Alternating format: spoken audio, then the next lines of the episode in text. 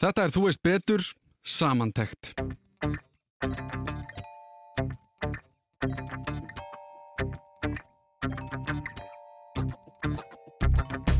Í þætti dagsins, sérstökum 17. júni þætti, ætlum við aðeins að lítið við farin veg, kíkja í þætti sem að fóru kannski framhjá einhverjum og spila klippur sem eru áhugaverðar úr þeim.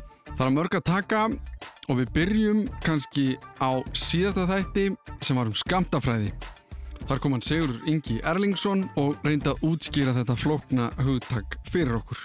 Og spurningi minn er, hvað er það sem að öll þessi fyrirtæki og ríkistjórnir og lönd eru að reyna að gera? Búa til tölvu sem að byggja á sem eiginlega skamtafræðinar mm -hmm. og það er kannski besta dæmið er hérna, þetta er eins og sko veldisvöxtur er eitthvað sem okkur finnst vola erut að hugsa um. þetta er svona, þetta er bara, bara akkur skilju ekki verðtrygginguna mm -hmm. það er bara að því að þú veist, þetta er veldisvöxtur og það er erut að hugsa um hvað gerist hérna, hérna eftir langa tíma uh, ef þú tegur skamtatölvu mm. og segjum að hún hafi 50 skamtabita og ef þú bætir einu bita við viðbót 51, það hljómar ekki mikið 50, 51 en þá ert í raun að tvöfalda reikningetuna og tekur bestu ofurtölu sem til er í dag hún er bara hýst í einhverju risa húsi í Kína, ég held að hún sé í Kína núna eða mm. eitthvað í bandaríkuna, þetta er svona vopna kaplu að til þess að tvöfalda reiknefli þar þá þarfst þú bara að byggja annað risa hús Já, bara bókstala tvöfalda tölvuna. tvöfalda.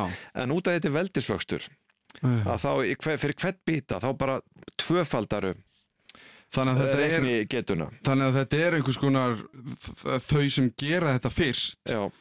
það er bara svona ströngfur algjörlega ströngfur og til dæmis e, þegar þú ert að selja þetta tölvuposta og lætur dulkóða og öll bankaviskiti og allt svo leiðist þau byggja á allan gerða áður, ég held að fólk sé svona aðeins fara að hugsa um, svo kallar RSA hérna kerfi, þetta er svona dullkóðuna kerfi og það byggir á því að, að það, það að finna svo kallar prímþætti mm. í tölum er mjög erfitt þá ef ég læti bara að fá reysastóra tölu þá er mjög erfitt til að finna prímþættina mm.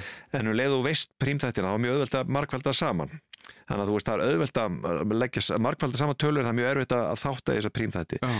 og, og á þessu byggir öll dullkóðun í dag blockchain, allt þetta dótari byggir á því að það sem er erfitt að, að finna prímþætti. Finna til þess að bara til þess að crack the code. Akkurat, skamtafræðin skamtatölfur, þess að það var hérna, tölnafræðingur, aðelsfræðingur sjór heitir hann hann skrifaði bara uppskritt, bara kökurskritt sem kallar bara sjór algoritm hann bara að þátt að prímtölur það er bara svona, fyrir skamtölur hmm. þannig að þú veist, þegar þú verður komin þá þarf bara að skipta út bara bara öllu kerfinu öllu, öllu kerfinu Já, þetta var hann Sigurður Ingi Erlingsson professor við HR að útskýra fyrir okkur framtíðina varandi skamtatölfur og hvað gæti hugsanlega verið að fara að gerast En úr skamtafræðinni förum við í fordlefafræði. Hún Lísabeth Guðmundsdóttir kíkti til mín og við fórum yfir þetta allt saman og spurningi mín til hennar sem við hoppum inn í er hvort að sé eitthvað ákveði sem að íslenski fordlegafræðingar eru að leytast eftir. Er einhver heilagur kaleikur í greininni? Fólk á Íslandi er ofsalega upptekið af landnámi og landnámi fyrir landnám. Það kannski er svona svolítið, svona, hvað er, já, þessi heilagi kaleikur. Að finna bara út Já, það, fólk, fólk er rosalega upptekið af því að finna eitthvað svona, já, landnám fyrir landnám eða... Þegar við séum landnám fyrir landnám, hvað meinar það? Bara það hafi verið einhver einna áður en það hvað Ingólfur Ardarsson eh, hendi, hver er það? Drömbónum Já Þú veist, erum við að tala um það? Við erum alltaf með reytu heimildinar og við erum alltaf með, með aðra fróða og fleiri sem sögðu 874 eh, hófst landnám á Íslandi og þá kom Ingólfur til Reykjavíkur En við vitum það til dæmis núna að fólk var í Reykjavík fyrir 874. Þannig að já, við vitum það til dæmis að þegar eða ef Ingólfur kom til Reykjavíkur þá var einhver þar á undan honum. Það er til dæmis eitthvað sem forðlegafræðin hefur sagt okkur með vísundum. En hvernig, hmm, ok, þannig að það er bara, það er ekki satt að Ingólfur Arnarsson hafi, fund, hafi verið hérna numi land fyrstur, eða hvernig það er? Það er bara saga. Það er bara saga? Og við, en við vitum ekkert hver það var sem var hérna undan. Nei, en, en ef þú bara ímyndaður bara landnám, við vitum að, að, að Ísland var numið á mjög stuttin tíma.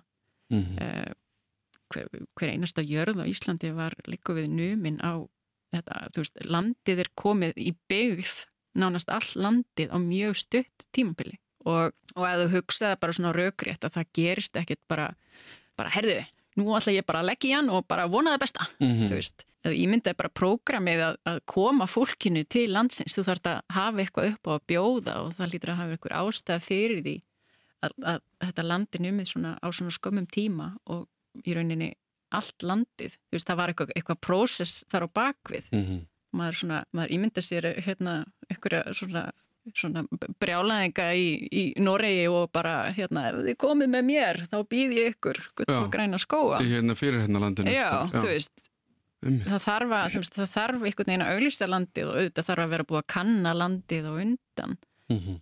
það þarf að vita í rauninni hvað við getum bóðið upp á þannig mm. að, þú veist, öll landkönnun og þú veist, fólk var hérna náttúrulega mun fyrr á ferðinni og þú veist, bara að kanna landið tekur, tekur tíma Þetta er mjög merkilegt Við erum alltaf upptekinn af þessu, ert að segja Landnámi er svolítið, já, við erum já. svolítið upptekinn af landnáminu og, og þetta, hérna, út af því við erum alltaf með þetta uh, kjóskulag þannig að við erum með þessa landnámskjósku og við Það er eldfjalla það er, Já, það er bara aska úr, úr eldfjalli. Mm -hmm. og uh, við finnum uh, mjög sjaldan mjög sjaldan eitthvað undir þessu lægi og þetta kjóskulag þetta öskulag hefur verið aldursgreint það er núna nýjasta nýjasta aldursgreiningin á því er 877 pluss mínus 2 mm -hmm. það var þetta 871 fyrir nokkru. Þannig að, núna veitum við alveg að, að eftir að þetta að þessi gjóska fellur að þá kemur fólk einna hérna alveg í bátsfarmara fólki mm. í rauninni og, og sest hér að en fyrir það er ekkit, er ekkit mikið að gerast þannig að fólk... Þegar þú segir ekki mikið að gerast Já, við finnum ekki margar vísbendingar um það forðlega fræðilega séð. Mm -hmm. En það er náttúrulega alltaf eitthvað og það til dæmis er í Reykjavík. Þar vitum við að fólk var komið áður en þetta, þetta gjóskulag fjall. Þannig að Reykjavík var til dæmis eitt sá fyrsti staður uh, sem var þá nömin á Íslandi. Þetta gjóskulag, mm -hmm. hvaðan er það? Hvað fjall er það? Vitum við það? Já, það er hérna veiðubötn. Það eru veiðubötn? Já. Að þau hafi gósið? Takkus. Yfir allt landi? Uh, nánast, ekki alveg allt, nei. En, en uh, ekkert á, á vestfjörðin til dæmis. Það eru engin gjóskul. Þau hafa alltaf verið spils. Já, þannig að það var svolítið gaman að vinna þar. Uh, ég er búin að vera að vinna þar svolítið og þar eru ekki minni einn gjóskulu og þá finnum maður hversu ofdegraður maður er. Já, því það er erfiðara. Já, þeimlega, þá þurfum við að nota, þannig að notum við greipina rosalega mikið og svo þurfum við að stenda í geislakóls aldursgreiningar Já. en viða annar starf landinu og þá erum við náttúrulega með eh, landnámskjóskuna og svo erum við með gjósku frá 1104 og við erum með gjósku frá já, þim, já, þú veist, frá 1300 og svo er, er það náttúrulega bara misjátt eh, misjátt hvar á landinu maður er hvaða gjóskuleg eru þar að finna. Mm -hmm. en maður notar þau náttúrulega rosalega mikið til þess að Þau eru bara svo tímaleinur í tri Já, það er bara, náttúrulega Þetta er alveg, við erum ótrúlega degruð með þetta. Þetta var hún Lísabeth Guðmundsdóttir að útskýra fyrir okkur, já, þannig heila Kaleg, landnám fyrir landnám og þessi gjóskulög sem, já, við erum frekar heppin með, allavega forlega fræðingar að geta stuðst við. En úr forlega fræði í bensín, sem er svo sem með ákveðna tengingu á milli, bensín er, já, ætla að sé ekki best að leifa Þóruði Gunnarsinni, bensín sérfræðingi, að lýsa fyrir okkur hvaða er sem gerist þegar ólíu er dælt upp úr jörðinni og hún fer í ólíu hreinsi stöðvar.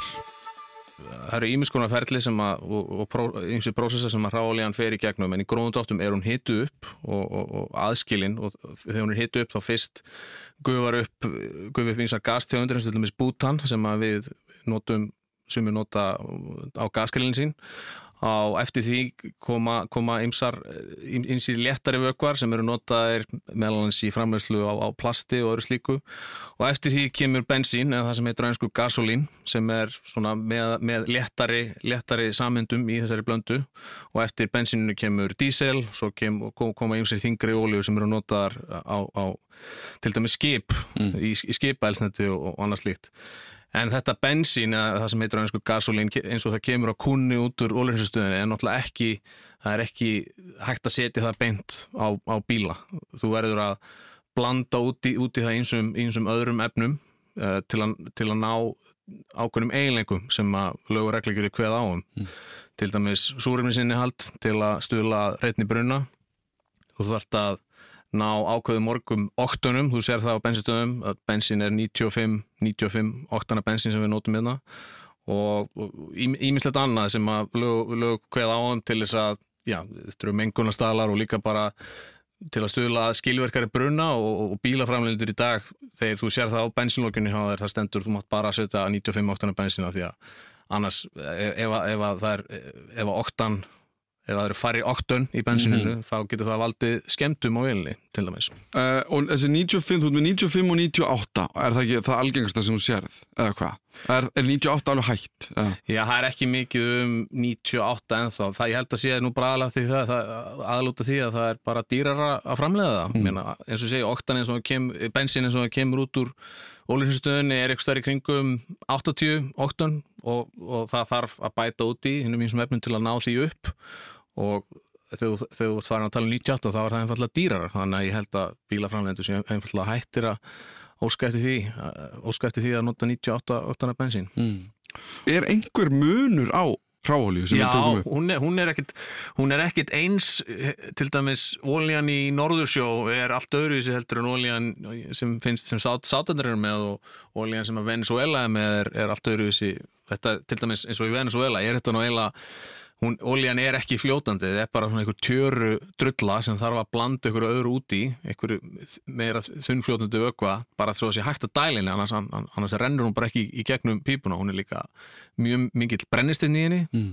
þannig að þó að Venezuela sé það land í heiminum sem að MMS-tar óljubyrðir er miklu meira vesen að vinnana heldur en til dæmis óljuna sem, sem er í Sáti Arabíu sem er bara svona, hún er að vísu svolítið súr, það er að segja hátt breynsins innihald en hún er hérna mjög mjög seifljótandi, það er talað um að ólja sé annars annars, annars, annars vegar súr eða sætt eins og mm í Nýgarju, sennilega svo ólíða sem er svona þægilegast að vinna, hún er kallið Bonnie, Bonnie Sweet mm. en Sweet einfallega að það er mjög látt brennistins inn í í henni og þú þarfst alltaf að taka hann úr sko mm. brennistinin, þannig að því minni brennistinn því, því betra sko mm. að þú þarfst að, þarf að vinna hann að minna áður og sendur hann inn í, í ólíðsinstöðuna Erum við öll að nota hérna í Íslandi saman bensinni?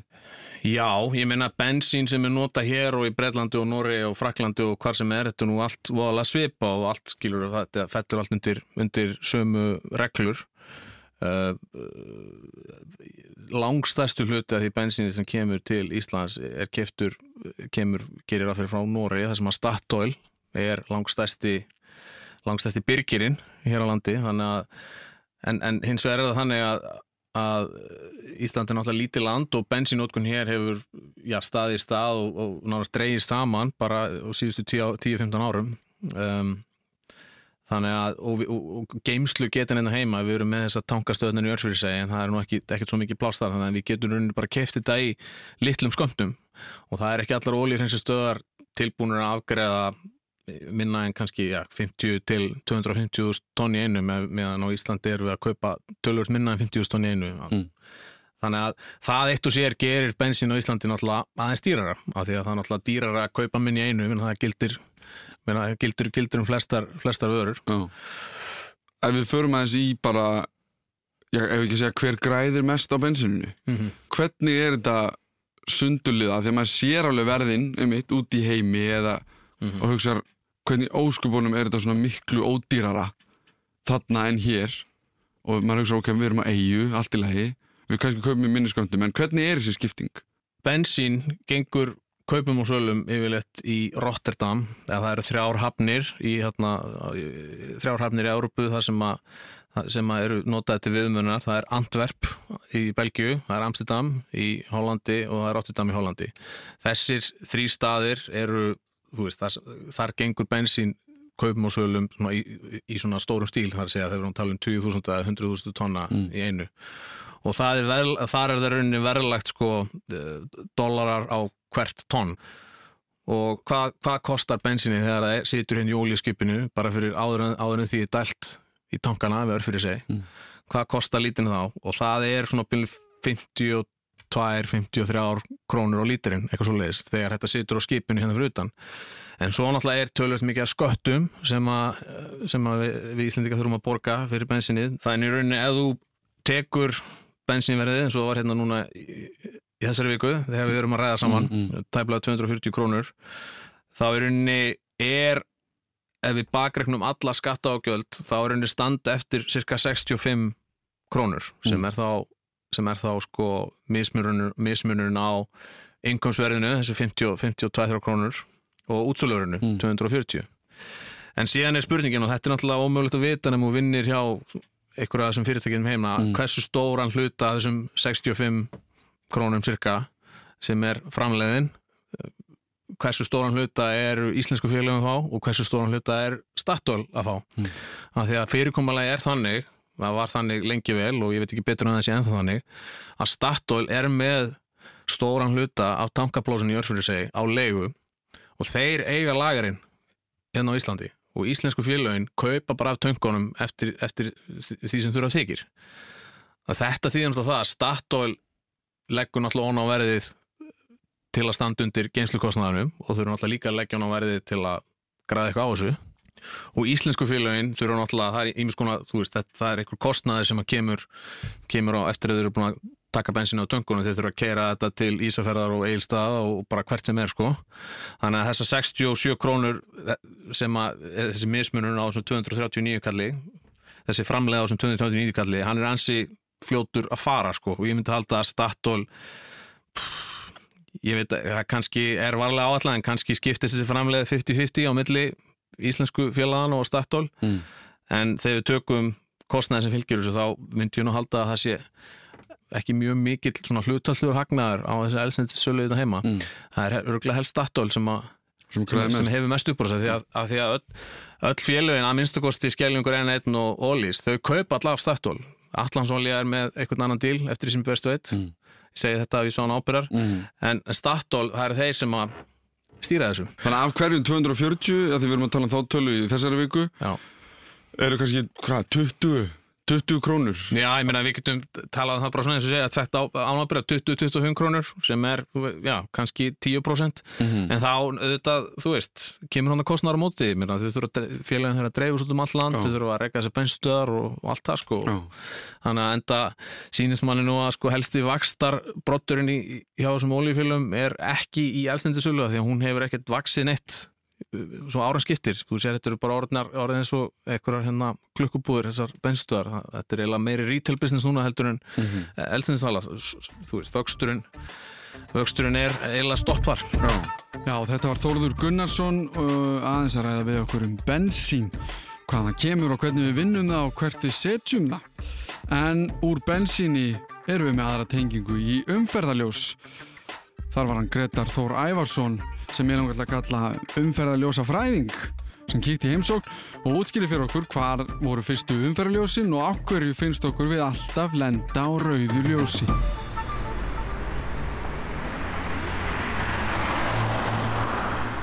Að hafa aðeins listið til á netinu þá komist það því 49 haustið þá eru fyrstu umferðarljósin mm. lækja gata bankastræti og hérna og þetta er rauninni bara er út af því að það er aukin umferð og, og hérna, bílar og mikið gangandi auðvitað en, en þegar að bílun er komið inn í þá þá eru þeir til þess að auka öryggi mm. allra og passa að fólk er ekki að lappa fyrir hvort annars þá þarf að stýra umferðinni betur og, og með tilkomu bíluna. Eru öll umferðarljós eins? Svona, í, í grunninn séð, já, veist, það er, umferðarljós eru þannig að þau náttúrulega það er hérna, eins og við segjum bara sér típistöku gatnamót mm. sem eru fjóru vegir sem koma saman og eða tveir sem á krossa þar segja og hérna þar er, er stýrikassi einhver staðar rétt hjá sem að stýri svo græna gula og rauðaljósinu og það er í rauninni grunnvirknin á öllum gatnamótum, en sumstaðar er náttúrulega eins og bara gönguljósin, þau telast líka sem umverðljós mm. það sem er bara græna og rauði kallin sko. en, en var uh, 49 sagður þegar þau komið fyrst mm. þá er bara einhver, ég er að fara að segja tæmer Mitt. en þá er bara einhver, einhver klukka sem stjórna bara 100% hvernig og það bara er ekkert Já. bara 60, 60 sekundur grænt eitthvað, eitthvað uppröðun hver eru fræðin á bakvið það? Ég sko, Um, það var svoleiðis fyrstu ljósin, þá voru þau bara svona kvöldum á föstum lótutíma þar sem að hérna, þetta er bara eins hverju lótu. Lótutími getur verið 60 sekundur til dæmis, 90 sekundur og þá, þá var það þannig að, að hver ströymur fekk kannski bara alltaf fast 30 sekundur, svo fekk hinn ströymurinn 30 sekundur og svo fekk kannski gangandi 30 sekundur eða eitthvað svona þannig að það var alltaf fast svoleiðis en það er náttúrulega allt öðruvís í dag og, og sérstaklega þegar við erum að tala um þessa snjálfæðingu að það er nú þegar eh, meirulutin og eiginlega öll ljós eru stýrð, umferðastýrð. Hvað menur það með því? Að það þýðir að það eru skinjarar, annarkort getur verið, þeir eru algengast að þeir séu ofan í malbygginu en þeir eru líka ratsjáskinjarar sem eru þá á störunum sjálfum og sem skinja þá þegar að annarkort aukutæki eða gangandi eða hjólandi eru á gatnamótunum. Og stýra en þá þannig að ef að það er engin þá náttúrulega á ekki að koma grænt fyrir viðkomandi fyrir viðkomandi gutti Og þú sagðar að flest væru stjórnu svona? Já, og það er margt með sko, í 2000, árið 2007 var, var keft stýritölva uh. miðurleg stýritölva um, og síðan þá hefur verið að vinna í því hefur verið að vinna í því að tengja öll ljósinn þessari stýritölvu mm. og þá hérna og þá eru þau samtengd líka með svona með grænu bylgjum og svona en, en, en samlega því var settið svona skinjarar niður í öllum gatnamótum, ég held að þetta sé eiginlega í öllum gatnamótum í dag, en ef ekki þá eru er það ekki mörg eftir sem eru mm. og eftir að tengja uh, Það eru tvent sem nefnir græna bylgjan Já. Hvað er það? Það er einmitt samtenging samhæfing umferðarljósana að til dæmis á sæbraut þegar þú ekur sæbraut og þá ef þú ekur á ákveðnum hraða að þá ættur þú alltaf að lenda á grænu ljósi alla leiðina. Það er okkar starfa að mm. búa til þessar grænu bylgjur og mm. endur skoða þær og, hérna, og þær eru til staðar í dag en málið er að þú nærð yfirleitt ekki til dæmis með uh, að gera þær í báðar áttir í einu sko. Þannig að á mótnana mm. þegar flestir eru á leið til vinnu inn í borgina þá höfum við stilt uh, grænbylgjuna í þá átt -hmm að þeir sem eru að kera inn í borgina, þeir enda á grænu og, og, og rauninni þá á eða rétt um hámarsraða. En svo ef þú kerir náttúrulega hraðar en það, þá nærði ekki grænubilginni, þá lendur alltaf á reyðar, næsta rauðaljósi. En ef þú ert rólegur, kerir bara á þínum ja, hámarsraða eða rétt undir, þá nærðu grænubilginni. En sko, ég, ég gerir ráð fyrir að þetta kerfi sé gríðarlega flókið að því það eru svo ógæðslega mörg umferðljós ef við tökum bara Reykjavík og segjum bara höfuborgarsvæði er þetta ekki eins og þegar maður kemur að eða að segja mörgum snúrum í skuffu sem maður tróði í og ætlaði að geima og ætlaði að reyna að losa eina að þá er það allar í bara svona nýkli og þú þarf einhvern veginn að leysa úr þeim að ég áttum ekki á því hvað þú byrjar að reyna að búa til grænabilgju Emitt Jú, þetta er mjög góð samlíking þetta er svolítið þannig að þau eru öll háð hvora öðru, ef þú breytið þeim á einasta þá breytast, þá þarf það eiginlega að breyta öllu kerfinu því að þá en við höfum svona svolítið miða með út frá svona núlbúndurinn okkar er í rauninni stæstu gatnamótlandsins eru kringlumörabraut og miklabraut. Og það er ákveðin svona núlbúndur og við svona mælum allt út frá þeim. Þannig að þau stýra svolítið ljósunum í, í allar áttir sko, þannig að þegar þú ert að keira annarkvort miklabrautina austur eða vestur og þá ert á græni bylgi þar ef þú kerir kringlumjörubreyturinn á nord og söður þá lendur þú líka á græni bylgi þar ef þú breytir svo ljósunum á kringlumjörubreyt miklubreyt þá þarf þetta að breyta öllum til dæmis uh, lótulengdini sem að sagt, það er þetta það sem að lótulengd þetta er svona húttak sem að þá verða ljósin er eins aftur og aftur og aftur. En ef allir skinnaröndin myndu alltaf segja hei hér er bíl og það eru bílar alltaf á öllum hliðagutum og öllum þá í rauninni virkaðu eins og þau séu á fastri lótu að því að það er alltaf Það er alltaf sama já, í gangi. Já, að það er alltaf margi bíl sem vil komast hér og margi bíl sem vil komast hér og þá er rauninni þá er þið með skamtakara tími. En ef það er engin bíl þá getur við gefið öðrum ströymum lengri græðan tíma til dæmis. Þannig að þessi lótulengt er algengast að hún sé 90 sekundur til dæmis mm. í Reykjavík á annað tíma. Og, svo, og þar sem við köllum um annað tíma á mótnan eða setnipartin en svo utan annað tíma þá stittu við lótulengtina nýri kannski 60 sekundur, 75 sekundur fyrir eftir og það er rauninni þýður að þá, að þá er rauninni stittist líka byggtíminn fyrir, fyrir þá sem að þarf ekki að býði 90 sekundur eftir að fá grænt, þú ert kannski bara að býða 60 sekundur eða 75 svona, svona þegar minni umferð. En hver er ástæðan fyrir því að, eins og þú sagðir, fyrir part dags þegar fólk er að fara í vinnuna inn í Reykjavík eða eitthvað, setni part dags það myndast alltaf teppur, það myndast eitthvað, þú veist. Hver er ástæðan fyrir því að þið segi ekki bara, herru, við vitum í hvaða áttir þunga traffíkin er já, höfum bara grænljósið í tvær og hálfa mínútu. Eða eitthvað, þú veist, höfum bara ótrúlega langt og hinnir verða bara að býða miklu lengur en þetta er bara svo mikið að bílum við þurfum bara að koma um öllum út um leið. Já, það er náttúrulega þá myndir hrannast upp traffíkin á hliðagutunum sko, Mm. ef myndir setja svona langan tíma á til dæmis einhverja stoppleið sko, þá eru, það er eru bara, kerfið er oft á í rauninni hvað segja, bara á fullri afkasta getu Mm. og það eru mikið að umferð á hliðagutunum líka og við verðum að sinna þeim líka því að það er ákveðið þjónustuði sem við erum að veita og þá verður að passa hliðagutunar fá ekki ómikinn byggtíma því þá verður fólk mjög pyrrað og svona á þeim og, þetta, Mm. og þá hefur þetta líka áhrif á gangandi vegfæringutur því að nú erum við búin að vera fókusera svolítið á kannski bíla í, þessari, í þessu viðtali mm -hmm. en við erum að minna það að það er gangandi vegfæringur líka og þetta er samspil þarna á milli og að ef þú það er gangandi sem vil þvera stofleðina til dæmis og hann þarf að býði þrjár mínútur og það, þú nennir því ekkert og það er kallt úti og þú ert að labba og þannig að hérna, það, það þarf að huga öllum öllum hópum. Já, það þarf að hugað öllum hópum þegar kemur á umferðarljósum. Og eins og flókin og flæktur nýkil þarf að leysa úr flækjum og, og vera með kerfið í sífældri þróun eftir í hvernig umferðin og, og umferðarvenjur fararmátar okkar breytast. Og talandum fararmáta það er hægt að keira, það er hægt að hjóla og lappa og, og, og örglega eitthvað fleira en það er líka hægt að fljúa og í næstu klippu ætlum við að líta aðeins til flugvéla. Mattias Sveinbjörnsson, verkfræðingur, flugmaður og, og sérfræðingur um flugvélar kom til mín og við rættum hvernig flugvélarnar byrjuðu, hvernig þær fljúa og hvaða framtíð býður flugvéla.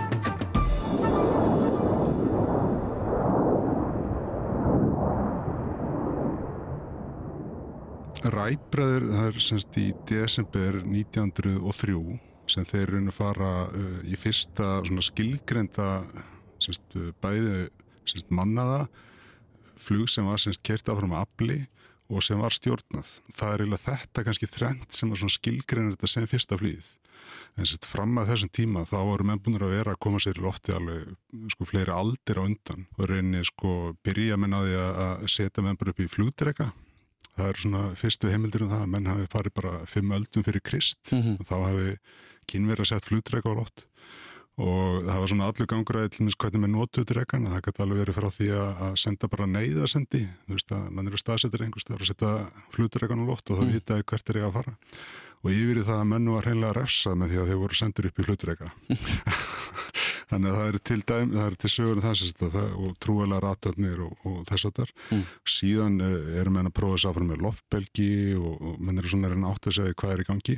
Þannig að áður en að rætbræði fljúa 1903 þá var menn búin að reyna ímislegt og í rauninni uh, byggja þeir til dæmis á uh, miklu rannsóknastarfi sem hafi verið unni áður. Mm. það var til dæmis maður sem hétt Otto Linnetal sem var með flugdrega og, og fór sjálfur upp í þá og sveið fram að klettum. Og það var mjög, mjög mikið rannsókn verið en tegnslu við það, hann var reyna átt að segja hvernig liftikrafturinn verkaði, hvernig lög og vangjarinn styrt að vera og svo framvegis. Mm. og einhvern veginn allt þetta svona uh, rennur inn í þennan punkt þegar það komast þennast fyrst á loft þarna 1903 Hvað er það sem þeir fatta eða ná að láta ganga upp sem að aðrir gera ekki? Mu- Munurinn á þeim og öðrum uh, er eiginlega fyrst og fremst sá að þeir ná að stjó, stýra tækinu og það var yfirleitt þannig að menn náðu kannski búa til mótel, jafnvel setja uh, gufurheifil í vélina, vera með tvo, tvo pr- proppa og, og loftværi gætt fara á loft og jafnvel var þetta að senda einstakling með því en það að stýra því næla vel, þannig að geti lent aftur á þess að brotlenda Mm. að það var kannski svona breykþrúið hjá þeim. Bi- Byltingin í rauninni sem fælst í því að það er, það er þessi áfangasigur sem næst þarna að þeir ná að stýra loftverðinu og til dæmis eins og þessi Otto Lindenthal sem ég nefndi á hann, hann, hann ferst sagt, í einu af sínum tilröna flugum. Það voru ekkit allir tilbúinir að fljúa sko. Nei. Þetta voru uppfinningamenn og þeir bara smíðuðu og, og, og hugsuðu hlutin upp og síðan oftar en ekki þá endaði þetta bara með því að þeir, þeir fórust í, í krassi sko. Mm. og þar með var bara þeirra, búin, lokið, já. það var ekkit flóknara sko. Og síðan og það meiri segja þannig að hluti af stjórntækninni sem að þeir nota er en ekki á, á nútíma flugulum í dag? Til að mynda semst á flugulum í dag þá ertu með svona stýri fleti. Það eru fleti sem fara upp og niður til dæmis á, á, á vangjónu sem að velt, gera það verkum að vélum, vélum veltur. En þeir letu allan vangin vinda upp á sig. Og, og það í rauninni er betri það myndar rauninni minni loftmótstöðu að þú hefur ekki þessa stýrifleti Mm. og, og menn er að skoða í dag efni sem til dæmis beigjast og sveia og er að veltaði fyrir sig hvort það sé að nota þau í, í þessum sama tilgangi. Þetta er það sem maður sér þegar maður er í flugul hún er að lenda og allt í hennu fara flip hana, Já, það, kallast þessi fletir bara, Já. þá bara allt í hennu upp Já, í rauninni sko þegar, þú lendir og það komum bara alveg svaka hlerar upp Mm. að það, þetta er rauninni hugsa bara til þess að bæða að stöða vélina og líka liftikraftinum fari. Þetta kallast það ennsku spoilerar mm. og það er bara til þess að eigðalegja þá lift og hæja á flugvillinni. Og síðan sko lengra út á vangjunum þá sérðu, þá eru svona stýrifleti sem reyfast og annar fer upp uh, öðrum megin og niður hinum megin og það er til þess að velta vélni. Nú þá er svona á þessum, já. Nú er óa gott að geta sínt Já, já, já. hvernig við erum að nota hendur en, en maður er svona já, ruggarinn eða, eða þannig, já. og ve- velturinn er runni mm og síðan ertu með stýrifletti aftan á stélinu og þeir eru þá til þess að- íta vélinn upp eða niður beinan upp eða niður Mm. og síðan þá til hlýðar það er svona hlýðarhefing og þetta er er allt bara í stélinu þetta. Já, það er semst upp og niður og síðan til hlýðarhefingarnar en til þess að veltinni að þá ertu með út af vangjónum stýrisleiti þar. Í grunninn er það þannig að uh, flugvængurinn uh, hann, uh, þegar hann fer ekki inn í loftið og náttúrulega á til dælu miklum hraða að þá beinir hann loftinu niður. Þannig að þessast lofti fer fram hjá vagnum og hann beinir semst loftinu niður og í rauninni er þetta bara uh, þetta er líkuð eins og sért bara blása niður og, og, og, og íta þér upp mm. og þetta er uh, semst, þetta þriðja lögumál Newton ef ég tengi hans við það að það er rauninni að, að fyrir hvert kraft sem að vera til að þá er til jafn mikil og, og gagstæður kraftur á móti. Þannig að svo við sitjum hérna á jörðinni að jörðin er, er rauninni að íta á móti okkur meðan við erum að íta á móti jörðinni. Mm. og þar leðandi er við í rauninni stopp. Og sama gerist þarna að það er uh, uh, vélinn hefur ákveðinu þyngd og vil fara nær jörðinni. En síðan út af þessari uh, hvernig, hvernig loftstrunum er reynilega beint niður og þá er fluglinni raunin að íta sér upp. Mm. Og það, það, er, að lang, er langstæstu leiti krafturinn og svo er annar kraftur sem að kallast Bernoulli og það er svona loftþrýstingskraftur þannig að það er minni loftþrýstingurinn ofan á vagnum heldur undir vagnum og til hann fer hraðar yfir og yfir lengra yfirborð og það býr til svona eh, þrýstingsmun sem gerir það verkum að hún liftist líka. En uh, stærsti hluti liftikraftarins er í rauninni uh, þetta, það er semst út bara beina loftströmmnum niður. Og það gerir það til dæmis að verkum að e, það skiptir ekki máli hvort það er til dæmis kveikt á vélni eða ekki.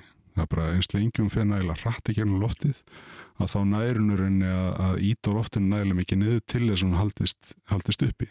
En það sem ég er að pæli líka að því að ég skil þetta. Já, svona nokkuð nokkuð megin neginn þá, þá hlýtur að vera þá búið að reikna út að þegar, þegar maður býður á flugvelli nei á, á flugbrautinni, maður Já. er komin inn í vél og síðan er hún eins og sportbíl sem er að fara að spóla eða eitthvað, þú veist, Já, maður já. heyrir að það er í handbremsu, ég er að orða þetta eins og ég Já, upplifi já, þetta. já, já. og það er bara keirt á stað, eða, þú veist, það er bara hreipladnir já, eru keirðir á stað.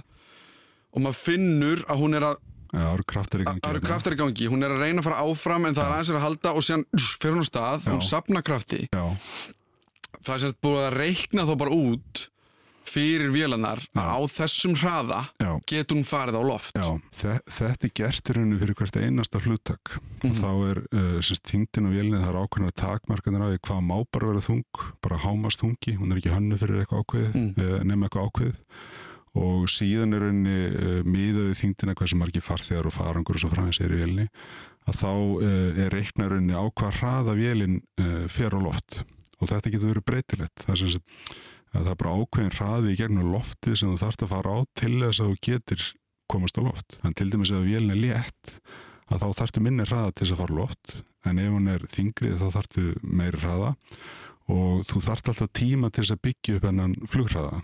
Uh, og því að mótorinu getur bara búið til ákveða afl og það tekur ákveðan tíma til þess að komast upp á þennan hraða og þar leiðindurinn ferð á loft og mismunandi vegalind. Mm. Það tekur bara lengri tíma að komast upp á einhvern ákveðin flutarsraða. En það er einmitt þannig að, að, að þessi hraði er bara nákvæmlega reiknaður uh, uh, Í hvert sinn? Í hvert einasta skipti. En hvernig vitið hvað vélinn er þung í hvert sinn? Það er, það er haldið mjög vel utan um það. Það er sem sagt, eh, annars er vélinn bara að reikna mjög nákvæmlega Já. hversu þungun er. Það er bara hver skiptir sem skiptum hlut eða tekin einhver hlutur úr vélinni annars eftir í að það var haldið utan um það er unni, mm. hvort að vélinn hafi þingst eða ljast eða hvað og síðan eh, er allur farangur um borð, hann er viktaður þannig við vitum bara eins og þú þekkir þegar þú ert að tjekka inn að það er taskan mm. viktuð og það er, það er fyrst og fremst til þess að við áttum að græði hversu þungvélin er. Það snýst ekki endilega um sko rukkunni eða eitthvað þess að það er sko. Og það, það eru farangurinn viktaður og síðan er, eru farþjarnir það er svona, það notast yfir einu svona meðalmannesku eða þú með minni vélar að þá skiptir að máli að láta jafnvel fólk að stíga vikt mm. eða spyrja hvað ertu þungur en þegar vélunum er svona stór að þá er þetta notast í meðaltöl bæðið semst á, á farþöfum og uh, þingta farangri, handfarangri og þetta er bara reiknað í, í tónnum og þetta er semst notað fyrir, fyrir flutækið og þannig er bara nákvæm vísindur henni á baku þetta og flugbrónir og, mm. og alls konar hlutir.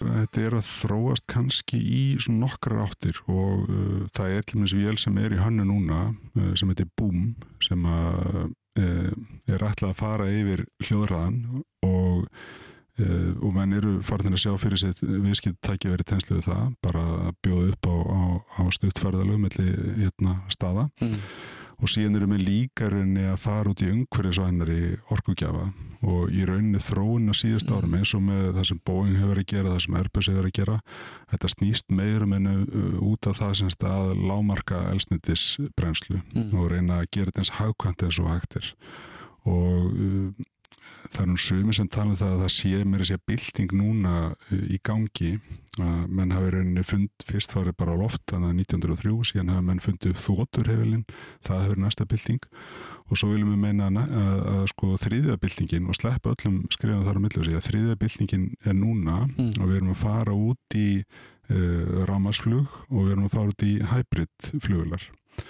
og það er aftur þarna sem en kannski áttast ekki alveg að því hvaða fælst mikið í því að þú getur raunin nota rafmagni í flugi þannig að í dag eru til flugula sem geta flóið í eina klukkustund en á næstu 23 árum þá eru vélar að koma sem geta flóið í svona 34 klukkustundir en eru samt að bera kannski fjóra farþega, kannski sex farþega mm.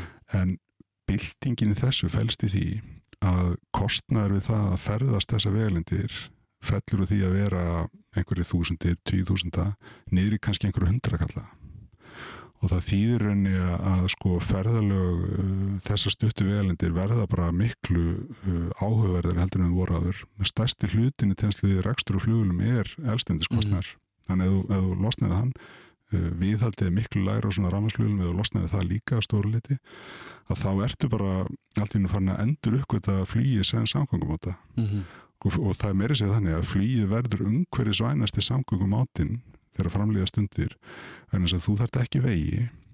Og það kemur, það kemur lítið sem ekki hljóð frá sem velum það, er að með þessari byltingu þá getur mann breytur ennum mótorum mm. og verður með, með fleiri mótor og svo framvegs og, og það er leðandi mingar háaðinn umtalsvert, við erum talað um 20% af það sem að heyrist minna í þessum velum það er einn vél sem ég veit, veitum sem að er tveikjasetta og ef hún er í sviparhæði eins og fluglar og fljúi yfir höfbruksæðið þá heyrist ekki í henni.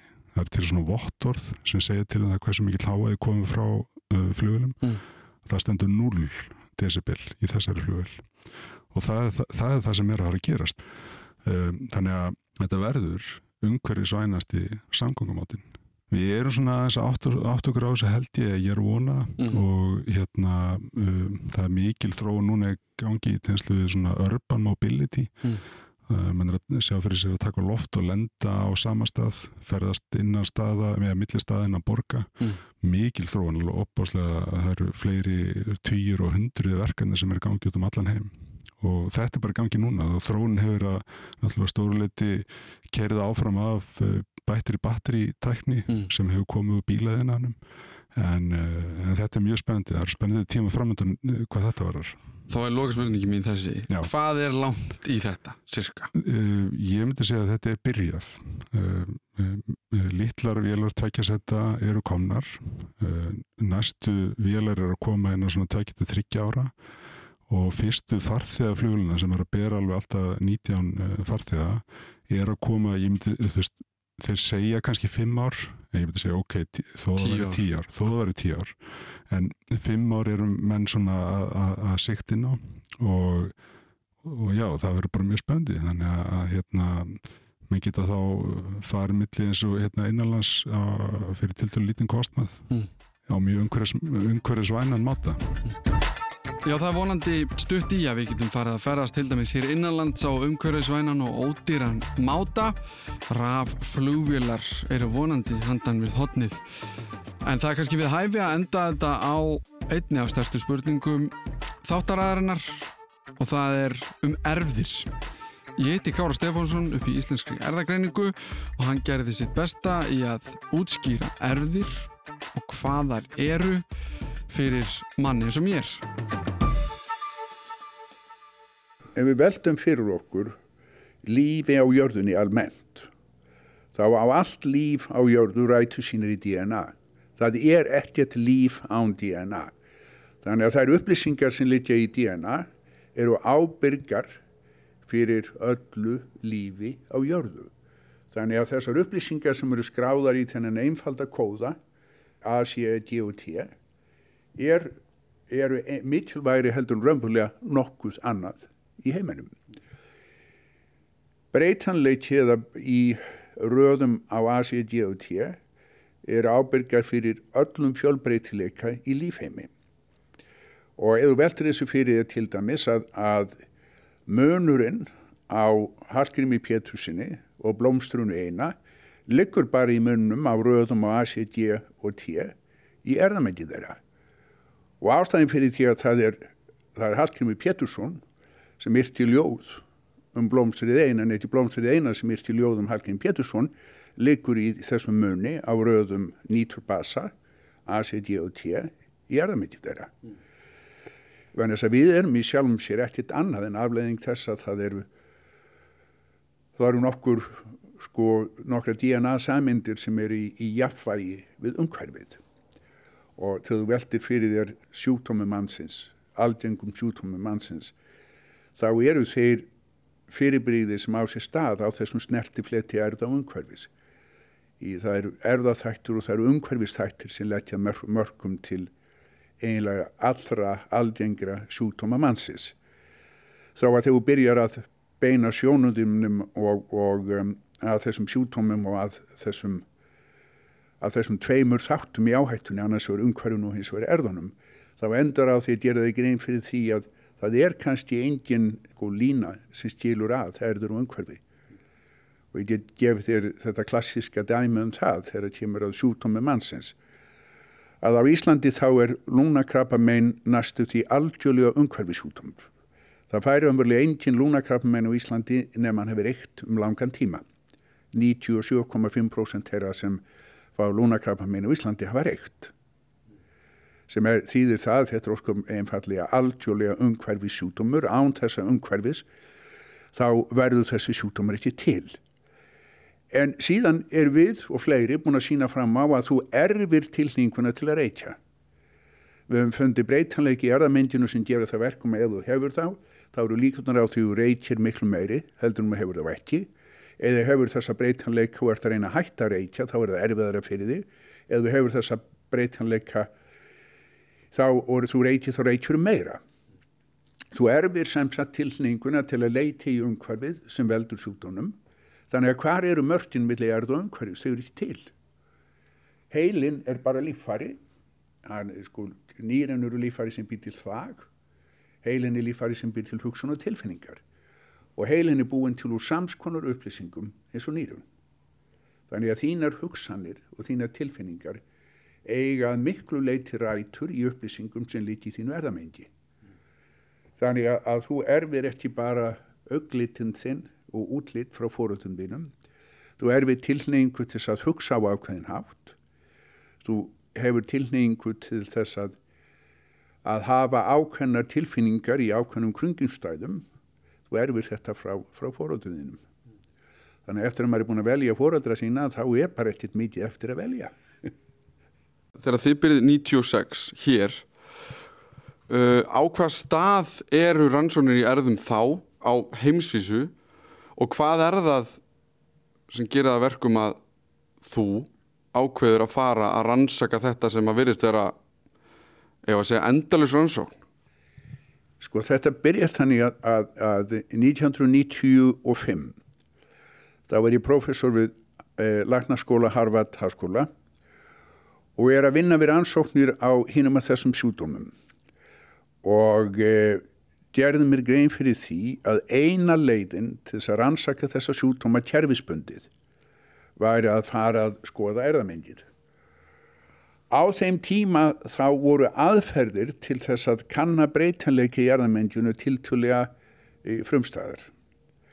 Og það átti sér stað sko alveg gífurlega bylting í aðferðum til að gera það upp úr 2000 svona í kringum 2004, 5, 6 þá fórum menn allt í hann að geta skoðað allt erðamendjið kerfisbundið í leita breytanleikum og síðan að leita að, að tengslum þessa breytanleika við hættun á hinn í mísu sjúdómum og það var sko mikil sprenging mitt í þekkingu á þessu sviði svona milli 2006 og 2010-11 eh, sem við tókum mjög mikið þátt í lögðum meira mörgum til, til þeirra þessar nýju þekkingar á þessu tíma heldur nokkur an, annað fyrirbyrðið þessum heimi síðan upp úr uh, svona 2010 getur sagt svona 8, 9, 10 þá það var önnur bylting í aðferðum sem gerði það verkum að menn gáttu farið að raðgreina allt erðamindi